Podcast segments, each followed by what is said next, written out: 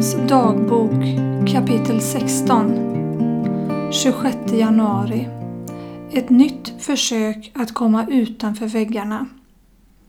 Kära dagbok.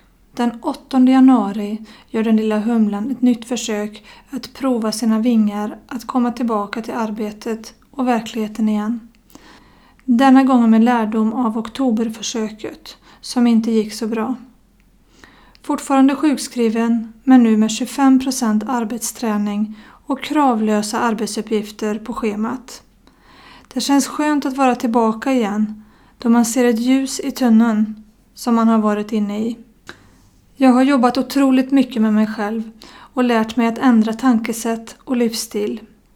Nu blir stressen så tydlig i ens omgivning då man mer är en iakttagare som ser många av sina kollegor som är inne i samma hamsterhjul och chippar efter andan.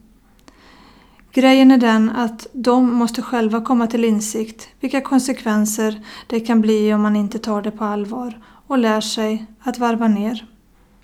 Jag önskar verkligen för deras egna bästa att de borde förstå värdet av vad som är viktigt i livet. Det är mycket som är annorlunda sedan tidigare. Jag är inte lika social längre och håller mig en del för mig själv.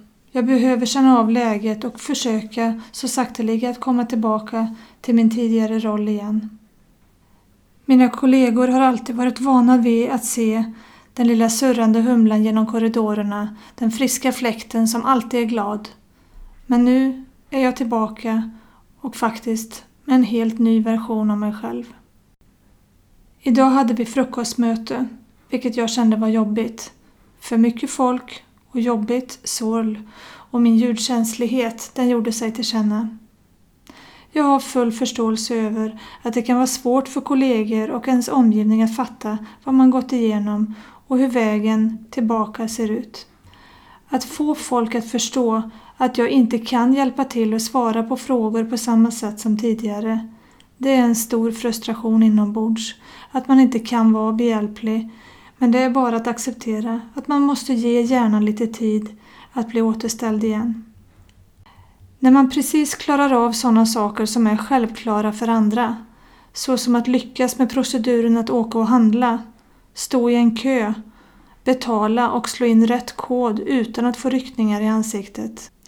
Eller att åka och tanka bilen och klara av den proceduren utan att drabbas av total panik. För mig är det nu en vinst att lyckas med dessa uppgifter.